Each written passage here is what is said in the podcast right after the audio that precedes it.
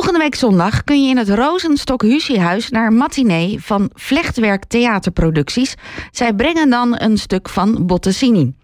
In de studio zijn pianist Maurice van Schoonhoven en regisseur en schrijver Hans van Hechten. Een hele goede morgen allebei. Goedemorgen. Goedemorgen, Ellen. Um, Sint, uh, de, jullie noemen de componist Giovanni Bottesini de vergeten virtuoos. Um, Hans, wie was hij? Nou, om te beginnen moet ik zeggen dat Maurice, ik denk zo anderhalf jaar geleden, bij me kwam. Die zei: Wil jij uh, misschien een, een, stuk maken of schrijven over de componist Bottesini? Ik zeg: Kun je dat nog een keer herhalen? Want ik weet helemaal niet wie Bottesini is of was. En ik denk dat dat voor veel eh, mensen geldt, eigenlijk nog steeds. En Bottesini was een, componist, en, maar hij was ook contrabassist. En hij was virtuoos. Hij was net zo virtuoos als Liszt in zijn tijd. Uh, en en uh, Paganini op de viool. Hij werd ook de Paganini van de contrabas genoemd. Maar hij is eigenlijk, zou je kunnen zeggen, bij het grote publiek vergeten. Hij was een ster in zijn tijd. Ja. En ze adoreerden... Ze ad, ik kom er niet meer uit. Ze adoreerden hem. Maurice, hoe ben jij hem dan op het pad gekomen? Nou ja, in uh, 2019 uh, speelde ik samen met het Theo-team. Werden wij samen geprogrammeerd op een festival. En nou ja, aangezien ik pianist ben, had ik dus eigenlijk ook nog nooit eerder van Bottesini gehoord. Dus ik hoorde die naam en ik dacht, wat vreemd, nooit van gehoord.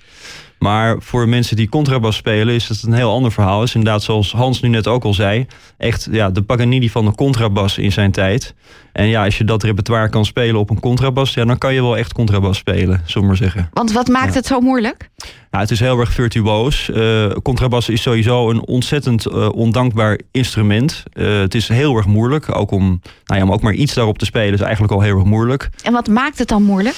Nou, het is een heel groot instrument. Uh, je moet heel erg diep bukken. Dus het is voor je rug denk ik ook niet al te handig. Um, je moet denk ik ook heel erg uitkijken voor blessures. Um, ja, het is berucht moeilijk volgens alle contrabassisten die ik heb gesproken tot nu toe uit het Concertgebouworkest. Dus ik neem aan dat zij het toch wel kunnen weten. Zeker. Um, dus um, ja, uh, ik bedoel, piano spelen is misschien ook niet zo ontzettend makkelijk. Maar contrabas is volgens mij nog net ietsje moeilijker, zeg maar. Vooral omdat je het nog niet kan, hè Maurice? Ja, nee, ik kan er nog helemaal niks van. Nog even wat juistjes. Maar um, ja. hoe is het dan om die stukken... Jij bent de pianist ja. van het uh, gezelschap. Ja. Hoe is het dan voor jou om die stukken te spelen?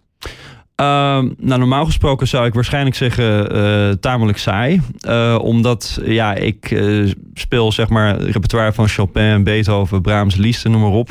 En ja, dit soort muziek voor de pianist, het zijn toch voornamelijk akkoordjes.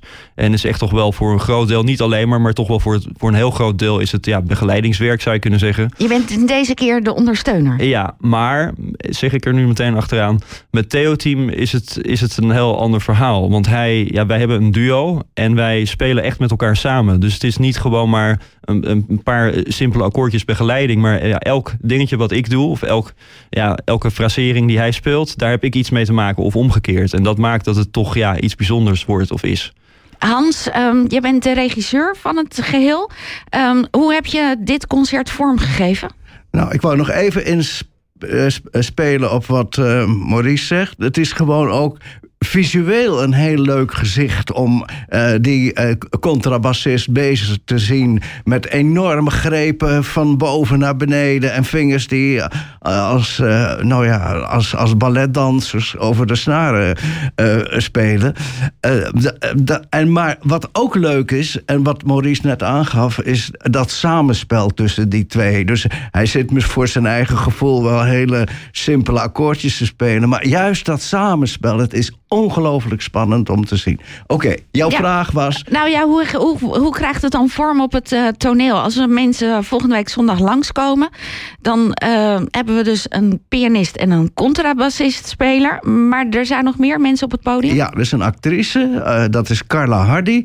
En Carla die speelt de geliefde van Bottesini. Daar is een heel verhaal over. Uh, dat kan ik niet allemaal verklappen natuurlijk. Maar uh, zij speelt een sopraan, een zangeres in, die tijd.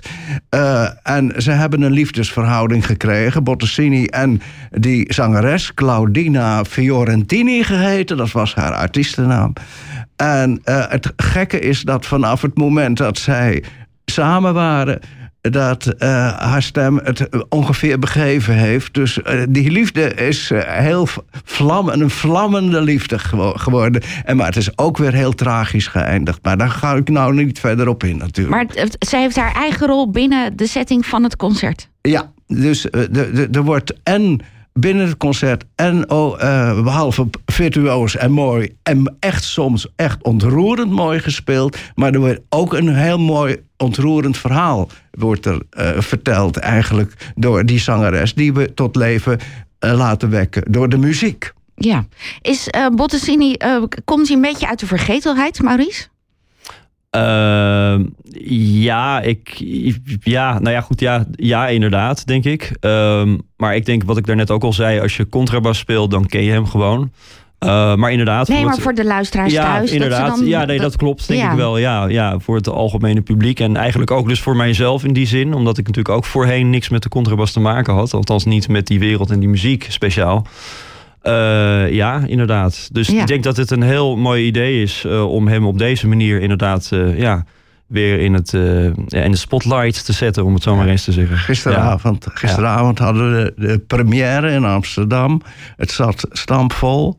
Het was na afloop een staande ovatie, minutenlang. Echt, het was echt. Dus mensen raken geboeid en ge, ge, ge getroffen door die prachtige muziek die meneer Bottesini, die vergeten Bottesini, ooit geschreven heeft. Ja. Dat is echt heel mooi om te zien. Misschien ook nog leuk om de contrabassist dan in het zonnetje te zetten. Want hij is jouw uh, teamgenoot in, binnen het geheel. Waar ken je hem van? Uh, nou, wij kennen elkaar sinds 2019. Uh, we speelden op de Leidse Hofjesconcerten.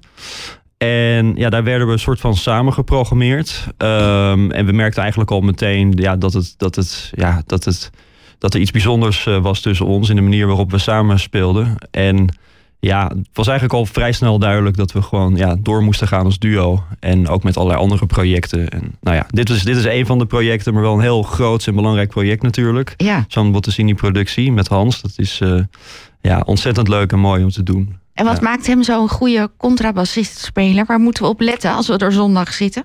Uh, nou, hij speelt ongebruikelijk zuiver. Dat, dan denk je van ja, dat, dat is toch niet zo bijzonder. Maar ik kan jullie zeggen, voor het, het instrument contrabas is dat wel heel, heel, bijzonder. Als je in orkest speelt, dan speel je vaak toch wel wat ja, makkelijkere melodieën. Niet speciaal hele virtuoze stukken of wat dan ook.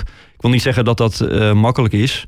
Maar ja, de muziek dan valt van het minder op, dan ja, wordt er dan minder valt beroep op Ja, gedaan. je hebt natuurlijk, ja, het is niet echt dat je zegt een solo-instrument of Nee. zo. Dus ja, en de muziek die wij samen spelen, ja, dat zijn toch over het algemeen hele.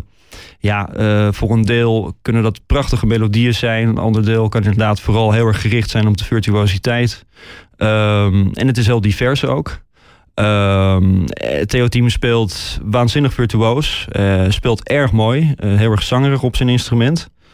Ehm, ja, dat maakt hem bijzonder. Ja. Eh, dat maakt hem inderdaad, ja, dat hoor je niet zo ontzettend vaak. Nee, omdat hij er niet bij is. Hij kan moeilijk zelf het eh, verhaal dan vertellen. Maar fijn Nee, dat jullie er zijn. En dat het- Dan kan ik het zeggen. ja, precies. Precies, eh.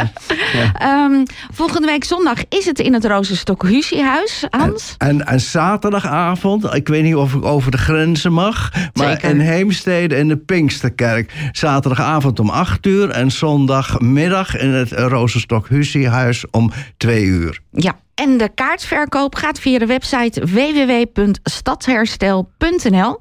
Ehm, en dan zijn voor beide concerten nog kaartjes eh, te verkrijgen. Ja, maar eh, gezien het succes gisteravond zou ik zeggen, wees er snel bij. Die tip is overgekomen. Zowel Hans als Maurice, dankjewel. Allebei Dankjewel. fijn dat jullie naar de studio zijn gekomen.